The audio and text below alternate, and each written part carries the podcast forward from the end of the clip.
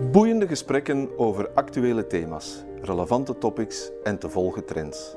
Welkom op de Vlaio podcast waar ondernemers en hun netwerk een stem krijgen, hun plannen vorm en hun ambities een klankbord.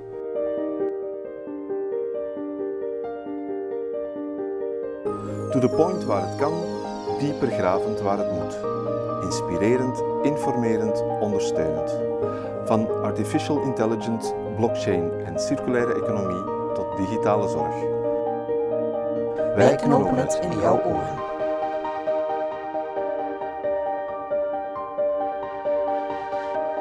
Beste luisteraars, in uh, onze gezellige studio in Leuven zit bij mij Bruno van de Castela. En trouwe luisteraars weten van hem dat hij filosoof is. En vandaag wil hij mij onderwerpen aan een Socratisch vraaggesprek. Ik ben helemaal onvoorbereid en benieuwd wat er op mij en dus ook op u afkomt. Bruno, aan jou het woord. Wel, Werner, een goed Socratisch gesprek begint uiteraard met een vraag. En ik wil eventjes polsen naar jou als persoon, als ondernemer. Heb jij schrik op internet? Ik heb op dit moment niet zoveel schrik op internet. Um, het houdt mij wel bezig, uh, omdat je de laatste tijd wel heel wat berichten ziet over de onveiligheid, uh, over privacy-inbreuken die daar plaatsvinden. Maar uh, op dit moment ben ik niet zo angstig eigenlijk. Dat is eigenlijk heel goed. Dan ga ik toch eventjes jou en al onze luisteraars schrik aanjagen. Want met genoeg tijd, moeite en geld raakt een crimineel overal binnen op internet. Hij kan ze ook trouwens ook de, op internet zwakheden kopen voor vele duizenden, soms zelfs honderdduizenden euro's. Maar dan heb ik ook een vraag. Denk jij dat jij een doelwit bent waar heel veel tijd, geld of moeite naartoe zal gaan? Daar moet ik eens even over nadenken. Want ja, op een bepaalde manier zie ik al dingen gebeuren die ik uh, niet zo fijn vind. Uh, geef een voorbeeld. Ik zoek een uh, cadeau voor mijn kinderen op het internet. Of ik ga wat, uh, wat, wat, zoeken naar, naar mogelijke cadeaus. Ik denk aan een, een Lego-pakket. En binnen de kortste keren zie ik dan op Facebook een advertentie van ehm, Lego verschijnen. Dus daarvan weet ik al dat er toch iets met mijn surfgedrag gedaan wordt. Maar of mijn totale internetgebeuren interessant is voor mensen om daar heel veel geld voor te betalen, daar ben ik niet van overtuigd. Ik denk, Werner, dat dat een goede houding is. Hè? De meeste van onze luisteraars, ondernemers, zijn natuurlijk niet dit soort entiteiten waar uh, heel veel tijd, heel veel geld, heel veel moeite in zal gestoken worden om binnen te geraken. Dan denken we eerder aan strategisch heel belangrijke bedrijven en natuurlijk overheden. Langs de andere kant, we moeten ook niet naïef zijn. Hè? Ik stel eigenlijk voor dat we samen eens naar kunnen kijken hoe we ons toch een beetje kunnen wapenen en het dus de criminelen net dat beetje lastiger kunnen maken.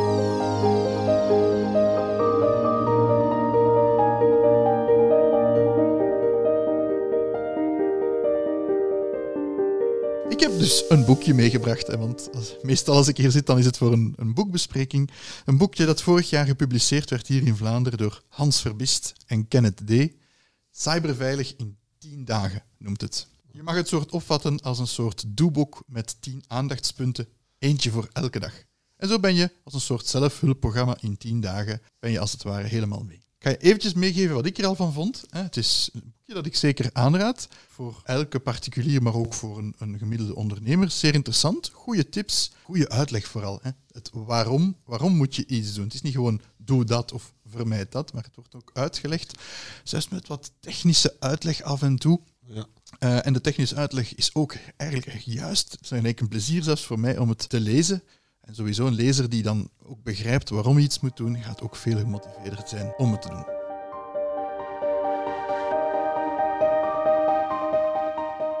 Beste Werner, ik heb een vraag voor jou. Zoals normaal in een Socratisch gesprek.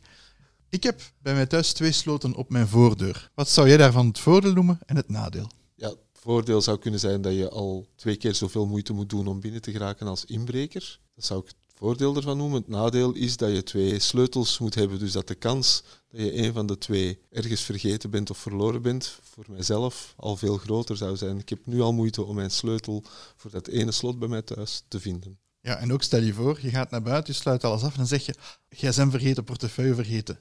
Ja, tijdverlies. Tijdverlies. Ja. Het is net zoals mijn voordeur, veiligheid in IT, dat is ook zoiets je kan sloten toevoegen om het veiliger te zijn, maar dan wordt het ook lastiger en duurt het langer om zelf ja. binnen te geraken. Dat is een, een ijzeren wet, en die staat ook mooi beschreven in het boekje.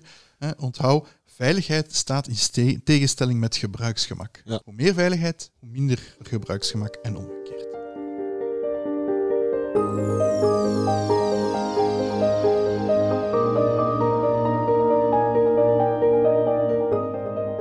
Dus we gaan, e- we gaan eventjes door dit boek bladeren. Wat denk je zo dat het eerste hoofdstuk over gaat? Dan gaat dat over computers, processoren, Ja, ik beveiliging. ga ervan uit dat het, dat het behoorlijk technologisch uit de hoek komt en dat je eh, wel wat termen en eh, terminologie rond de oren gesmeten krijgt. Ja en nee. Technologietermen krijg je. Je hebt ook een heel interessant register van achter waar dat wat uitgelegd wordt. Maar het eerste hoofdstuk gaat niet over technologie, het gaat over psychologie. Ben ben je ooit al eens opgebeld eh, door Microsoft, zogezegd, en dat een Engelstalige aan de lijn had? Ik zelf nog niet. Ik heb er al wel collega's over gehoord, maar ik heb zelf dat nog niet mogen meemaken. Maar het gebeurt wel, Ja, denk ik. en voor de goede verstaander, dit is, dat is een criminele activiteit, dat is niet echt Microsoft. Die zou niet zo bellen. Heeft niks met technologie te maken, buiten het feit dat een telefoon gebruikt wordt. Criminelen zijn eigenlijk creatief en die kennen helaas zeer, zeer goed onze psyche. Ik ben ook zo al een paar keer opgebeld geweest. Ik, ik smijt gewoon de telefoon toe. Maar eigenlijk zou je aangifte bij de politie moeten doen, want dit is een poging tot oplichting, een poging tot inbraak. Voilà. Een eerste term, phishing. Dus een Engelse term, vissen. Ja. Dus vissen totdat je beet hebt. Ik ga je een paar zaken opzommen, hè, die, zoals die mensen die, die bellen, maar ook die je soms je e-mails krijgt. Wat, is, wat zie je daar gemeenschappelijk aan? Bijvoorbeeld, u hebt gewonnen 24 uur de tijd om te reageren. Of uw pakje is tegengehouden door de douane. Reageer nu. Uw PayPal-account werd afgesloten. Reageer nu. Wat is er daar gemeen? Dingen, ja, de urgentie van de dingen. Ze vragen een onmiddellijke actie, waardoor dat je niet geneigd bent om heel erg te gaan nadenken. Inderdaad. Menselijke psychologie bespelen door de urgentie, een gespeelde urgentie. Maar we gaan er, we gaan er een filosofische insteek van maken, Werner. Hannah Arendt sprak, wel in een heel andere context, sprak die over stop en think. Dus stop en denk eens na.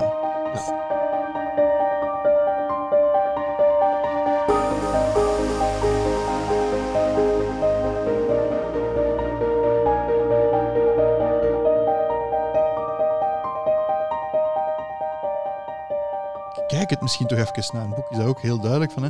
Misschien twijfel je toch even. Hè. Waarom zou mijn bank mijn mail sturen met spelfouten in? Wat zou jij dan doen als je zo'n mail krijgt? Ja, misschien moet je gewoon de, de bron contacteren of controleren. Van, gaat het wel om een mail van mijn bank of een mail van Microsoft? En als er al geen telefoonnummer op staat, dan is het toch sowieso al verdacht als je nergens weet waar je kan reageren. En er staat ook in die mail een mooie link. Klik hier. Zou je daarop klikken? Ja, ik snap de psychologische druk, maar ik zou toch, ja, dat is die stop en think, ik zou toch proberen daar niet op te klikken, want meestal zal, zal daar dan wel iets achter zitten dat, eh, dat niet pluis is. Dat is inderdaad zeer goed, Werner. Eh, dat is een hele goede reactie.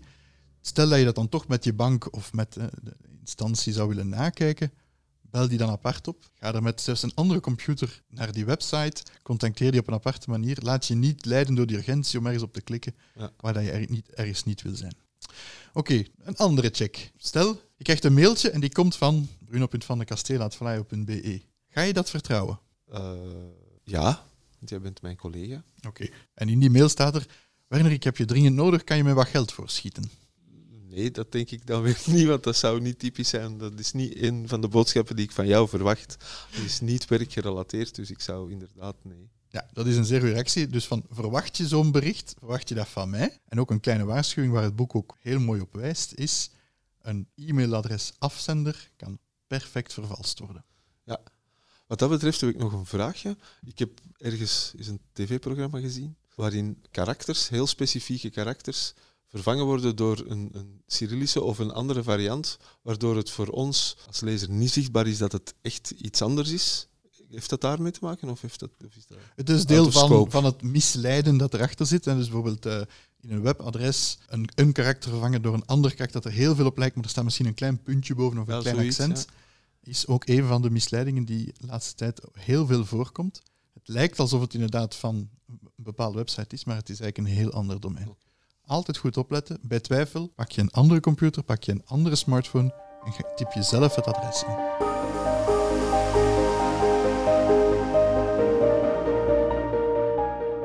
Sprak over phishing, Werner. Ehm, er zijn natuurlijk wat varianten op, hè, want dat zijn Ja. woordspelletjes. Phishing is zeer algemeen, vissen tot je iets hebt. Weet je wat spear phishing is? Speervissen? Eh, heel getarget vision dan, neem ik aan. Heel juist. Dat is specifiek één iemand proberen te pakken te krijgen.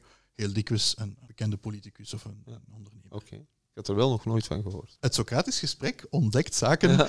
die je niet wist. Heel leerrijk. Een andere. Smishing. Combinatie van smart phishing.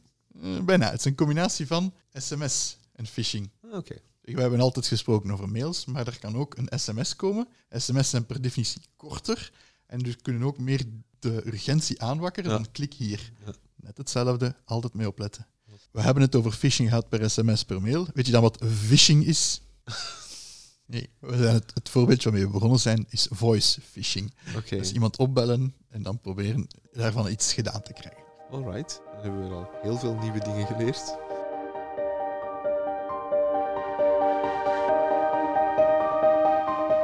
Oké, Werder. En we gaan over naar de volgende dag, hè, want dat is een van de dagen in het boek. Het volgende hoofdstuk gaat over iets dat je misschien wel heel frustrerend vindt en dat je dikwijls moet ingeven en dat altijd anders moet zijn.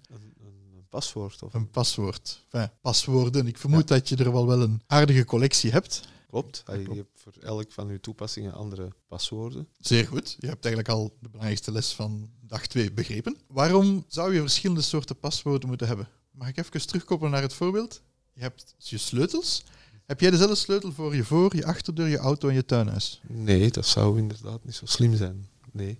En waarom zou dat niet slim zijn? Zou Eens dat je dan één sleutel hebt, dat je dan overal binnen kan, terwijl dat je het, doordat er verschillende sloten zijn, dat je ervoor zorgt dat er tenminste een aantal niet onmiddellijk bereikbaar zijn, zelfs als één sleutel zou gestolen of nagemaakt worden.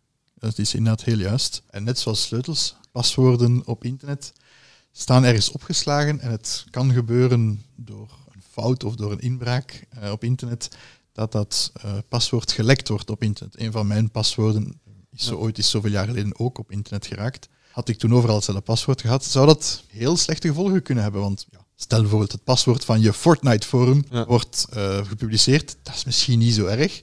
Maar stel dat dat hetzelfde paswoord is als je PayPal-account of je primair e-mailadres. Dat zou inderdaad wel iets eh, minder fijn zijn. Er bestaat trouwens een website op internet waar je kan nakijken eh, welke paswoorden er ooit gelekt geraakt zijn. Je kan dan ook controleren of jouw account bij een bepaalde plaats gevaar loopt. Eh website noemt Have I Been Pumped? Dat wil zeggen Have I Been Owned, maar de O is vervangen door een P.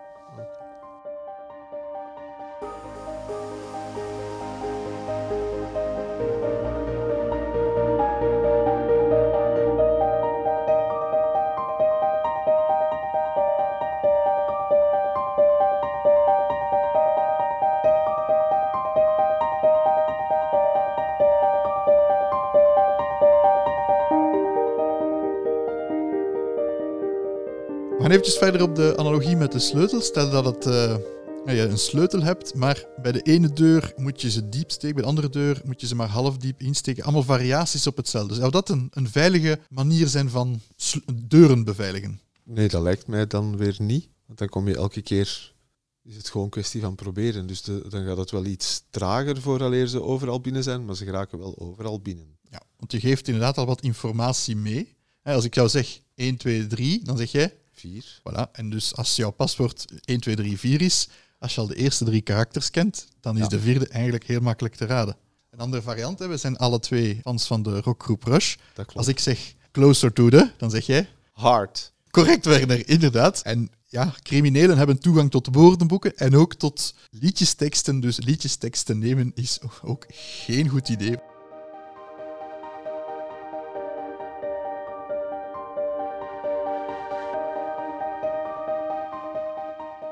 Hebt, het goed, een hele goede reflex al. Hè? Heel veel verschillende paswoorden.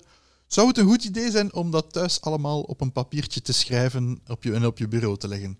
Ja, gege- gegeven dat mijn sleutels al gestolen zijn, is dat geen goed idee. Dus opschrijven op papier en dat thuis houden is niet de beste manier. Ook niet slecht, want iemand die op dat moment al binnen is, ja, die heeft Ja. natuurlijk, kan natuurlijk andere dingen doen. Ik raad het toch af om het te doen.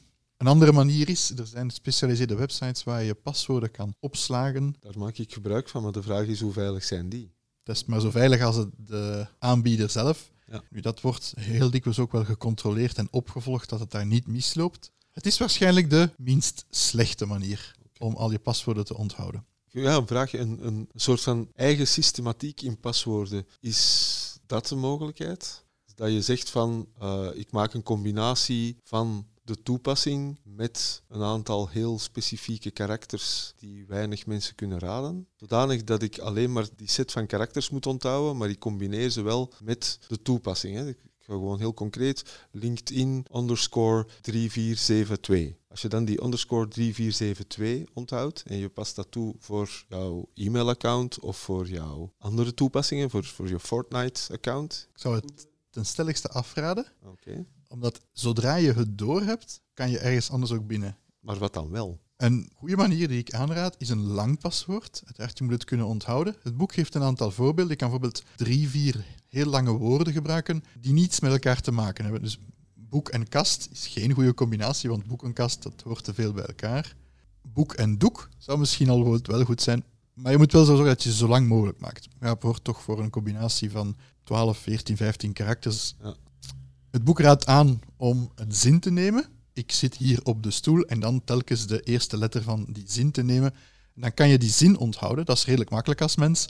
En dan moet je gewoon telkens even de eerste letter intikken.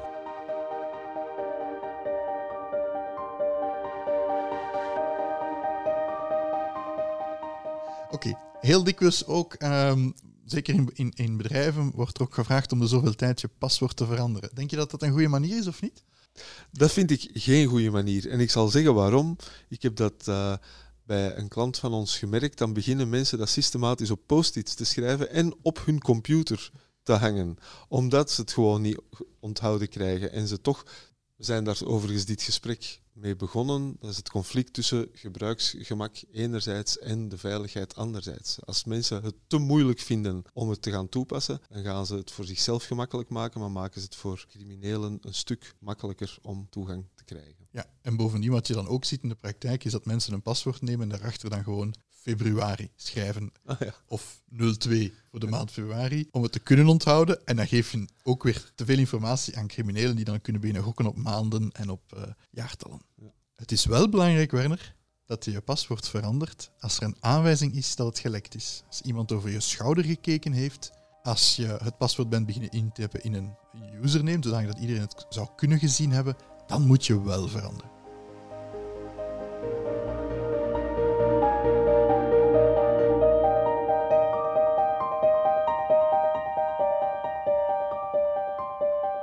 Oké, Werder, we hebben al heel wat opgestoken, denk ik. We gaan naar een, een volgende dag toe. En dat is een heel mooi hoofdstukje. Af en toe wel wat technisch en zo, maar ik heb een vraag voor jou. Eh, Jij hebt wifi thuis, neem ik aan. Ja, absoluut. ja. Weet jij wie er allemaal op kan op jouw wifi? Nee, geen idee. In principe alleen mijn huisgenoten, want die hebben het paswoord van die wifi. Controleer je dat? Toch? Nee, ik weet wel... wat, we wel gedaan het is wel een eigen paswoord. Dus we hebben het paswoord dat we gekregen hebben van de provider, dat paswoord hebben we vervangen door een eigen paswoord. Maar veel verder hebben we dat niet gedaan.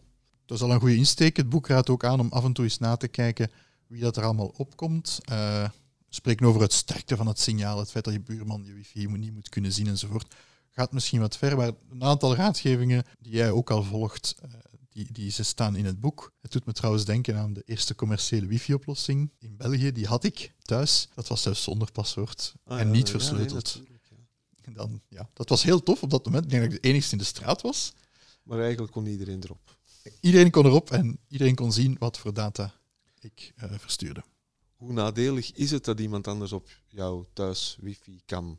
Stel dat mijn buurman wel op mijn wifi kan. Ik ga ervan uit dat je buurman natuurlijk ten zeerste vertrouwt, maar bijvoorbeeld een gast die bij jou thuis komt, eventjes vraagt, mag ik op de wifi? Ja? Het is niet normaal dat die dan ook bijvoorbeeld aan jouw data zou kunnen, aan je backup schijf die aan het netwerk hangt, eventueel ook aan je televisie en natuurlijk aan jouw verkeer en ziet, zou kunnen zien waar je allemaal naartoe gaat. En dat is zo, wel, als hij toegang heeft tot mijn wifi. Dus de mogelijkheid bestaat. En dus wat het boek aanraadt, en dat is heel goed eigenlijk, is om een apart wifi-netwerk te maken voor gasten. Dat jij met je printer en je backup schijf en al je gevoeligere data jouw netwerk zit en iemand die langskomt, dat die op een gastnetwerk en die kan enkel op internet, maar die kan tenminste niet aan jouw data. De meeste routers die nu te koop zijn, ondersteunen zo'n functionaliteit. Oké, wait a second. Nu heb ik toch wel een heel belangrijke vraag aan jou. Ik ga op een publiek wifi-netwerk. Ik ga ergens een koffie drinken en daar wordt mij gratis wifi toegestaan en ik wil daar surfen. Hoe veilig is dat? Wel, je hebt natuurlijk een geluk is dat het verkeer op het wifi-netwerk versleuteld is. Heel in het begin was het open en niet versleuteld, dus nu is het wel versleuteld. Het is toch iets veiliger, maar probeer toch niet naar te gevoelige sites te gaan als je zo op zo'n publiek wifi-netwerk zit. Want je weet toch ook niet wie zit daar voor de rest op, wie beheert dat, wie heeft daar eventueel kwade bedoelingen. Daar een koffie drinken en even surfen naar een nieuwswebsite of naar de Flyo-website, prima. Bankzaken misschien toch niet.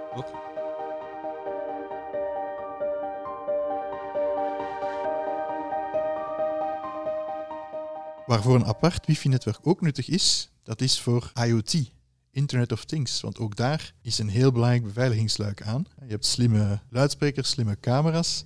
Ja, helaas, dat komt op de markt en wordt niet altijd even goed opgevolgd of beheerd. Hè. Er is een boetade, maar kan je mij zeggen, Werner, waarvoor staat de S in IoT? Er zit geen S in. Inderdaad, de S staat voor security en een boetade op internet van oké, IoT-devices, zeker als ze door een iets wat minder uh, bewuste fabrikant worden op de markt gebracht en daarna niet onderhouden, vertonen zeer veel lekken. Dat je zelf een slim device thuis wil installeren, geen probleem, zet het misschien toch ook even op een apart netwerk.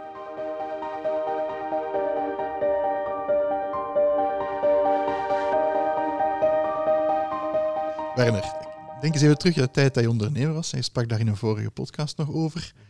Hoe erg zou het geweest zijn als jouw laptop gestolen was? Straf dat je dat vraagt, want het is mij in, in werkelijkheid overkomen. Ik was op uh, business trip in Londen en ik ben bestolen daar van mijn laptop. En dan viel, ja, op, op, het eerste moment is dat gewoon verschrikkelijk, want er is niks meer wat je kan doen. En je kan, dus de, maar finaal bleek toch dat het meevalt wat je dan uiteindelijk nodig hebt of en terug kunt halen. Want een aantal dingen heb je natuurlijk ook gebackupt. Een aantal dingen bewaar je nu, maar dat was toen nog niet in de cloud. Dus er is heel veel, als je er wat over nagedacht hebt, dat je finaal kunt retrieven. Het is wel wat moeite, het is vervelend en frustrerend, maar uiteindelijk heb ik toen niet zo heel veel echt verloren. Dat is heel goed, Werner. Proficiat trouwens, en dat je niet aan die backups had. Eén ding zou ik nog bij aanraden, als het niet gebeurd was, is om je harde schijf ook te versleutelen. Dat kan met BitLocker, dat zit bij Windows. Zodanig dat iemand die jouw laptop steelt en die data wil lezen, daar ook niet aan kan. Dat was zeker niet gebeurd. Dus dat zou belangrijk zijn als daar bijvoorbeeld gevoelige data stond over jezelf, je bankgegevens, je klanten, uh, eventuele mogelijke patenten dat je zou aanvragen. Ja. Als het ergste voorvalt, en daar gaan we eens een keer een filosofische insteek van maken, je moet eigenlijk je inbeelden als ondernemer, wat is het ergste dat zou kunnen voorvallen? De, de Romeinse stoïcijnen noemden dat de premeditatio malorum, dus de, ja, het, het vooraf beschouwen van het kwade ja, nu noemen we dat in het Engels, what is the worst case scenario? Hè? Wat gebeurt er als je laptop gestolen zou zijn? Kan je verder? Heb je je data nog? En kunnen anderen niet meer aan die data?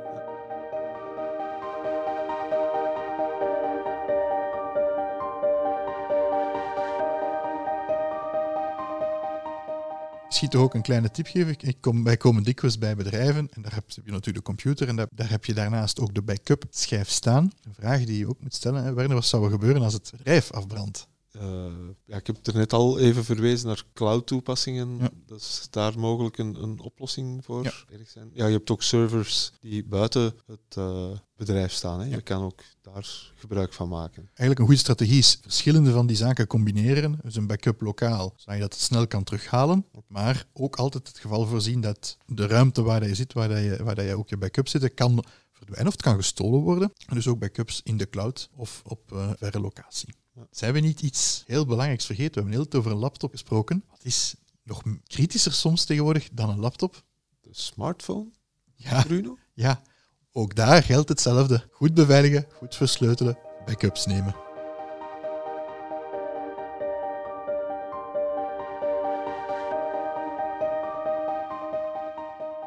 Op je smartphone, op je laptop, hè, allebei kritische toestellen, daar staat een stukje software dat zeer, zeer belangrijk is en nog belangrijker is dan het besturingssysteem.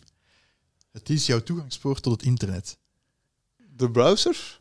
Ja, wat gebruik je eigenlijk het meest op je computer, denk ik? eh, dat is een, de navigator naar het internet toe. Ja. En daar passeren je bankzaken, daar passeert heel dikwijls ook je sociale media. En je gaat Ja. naar de Facebook-website enzovoort. Eigenlijk zijn de browsers een zeer, zeer belangrijk stukje software geworden, waar ook veel mee kan mislopen. Een hele goede raadgeving vanuit het boek. Altijd de laatste update installeren. Ik wil dat ik dat doe. Maar je doet toch ook heel veel van die dingen op via ah, je sociale media, via rechtstreekse apps. Ook daar best ook altijd de laatste versie installeren. Geldt trouwens ook voor je besturingssysteem. Microsoft, Apple, eh, ook Linux volgen dat allemaal heel hard op. Google met zijn Google Chrome, Firefox. Die onderhouden hun software zeer goed en publiceren regelmatig veiligheidsupdates. Je moet die altijd proberen zo snel mogelijk te installeren. Heel dikwijls gaat het over problemen of zelfs echt voorkomende Security breaches. ja, die, security breaches. Een heel belangrijke les ook uit het boek. Zie dat je software up-to-date is. Kijk dat ook even na. Pak je smartphone. Kijk of er een update is van Android of iOS. Installeer die zo spoedig mogelijk. En als je dan toch bezig bent aan het controleren, hè, zijn er ook nog een paar zaken die je heel regelmatig eens moet nakijken. Het was ook een van jouw bezorgdheden toen we begonnen. Gaat over de privacy. Maar dan de privacy-instellingen in je browser en ook instellingen in Facebook, LinkedIn, Instagram, TikTok. Vooral TikTok. Ja, die komen nu recent in het nieuws, maar het is, het is niet eenmalig dat je daar eens een keertje aan moet kijken. Je moet daar toch op geregelde tijdstippen eens naar kijken. En toch altijd kijken of je niet te veel informatie loslaat die je niet zou willen loslaten. Die fabrikanten moedigen dat ook aan. Als je soms in inlogt in Facebook of bijvoorbeeld bij Google, Google Maps, zeggen dan ook al van kijk, dit weten wij van jou. Of kijk het toch nog eens na. Heb je dat al, ook al eens eh, meegemaakt? Regelmatig. En ik vind dat eigenlijk wel een beetje... Big Brother is watching you. We kunnen... Wie ziet het allemaal? Want behalve die, die, die Googles die dat dan aan jou vertellen, dat is altijd handig. Of dat zou nuttig kunnen zijn om te zien van... Oké, hoeveel heb ik met de auto gereden? En hoeveel- maar wie weet dat nog allemaal? En wat gebeurt ermee? Wat zou je ermee kunnen doen? Dus het is heel belangrijk dat je, daar, dat je er bewust van bent dat die bedrijven heel veel over jou weten. Maar toch ook altijd eens nakijken of dat niet toevallig open staat voor de hele wereld. En Iets wat ik dikwijls zie is Facebook-posts die publiek staan. Dus iedereen ziet alles wat je post. Ja. Niet misschien zo iets wat je wil. Nee, geen goed idee. En je kan ook altijd eens checken of je die data niet kan vragen om te verwijderen. Bijvoorbeeld van Google Maps. Dat is misschien goed om te weten waar je vorige maand geweten bent. Maar je kan ook vragen aan Google, oké, na één jaar, 18 maanden, schrap deze data maar. Het is ook wat het boek aanraakt, is om voortdurend op te volgen wat zijn de instellingen, wat, wat kan je doen, wat kan je vragen om te schrappen. Uiteraard hier in Europa hebben we het geluk om GDPR, met het recht om te vergeten. En we mogen inderdaad ook vragen om bepaalde zaken te schrappen.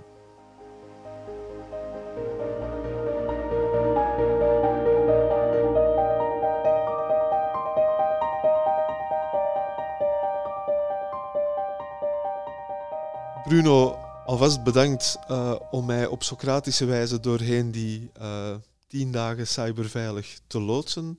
Maar wat heb je er eigenlijk zelf als belangrijkste lessen uitgehaald? Er zijn er twee. Het eerste is van, ja, we moeten niet naïef zijn, maar we kunnen met een aantal simpele zaken het de criminelen toch een beetje lastiger maken en dus jezelf toch wat beschermen. En het tweede is, om iets toe te kunnen passen, is het heel belangrijk dat je ook begrijpt waarom dat belangrijk is. Niet gewoon zeggen, doe dit, maar doe dit, want dat is de reden en dat kan er mislopen. De why. De why, is de, de waarom, is heel, heel, heel goed uitgelegd in Dat is het een boek.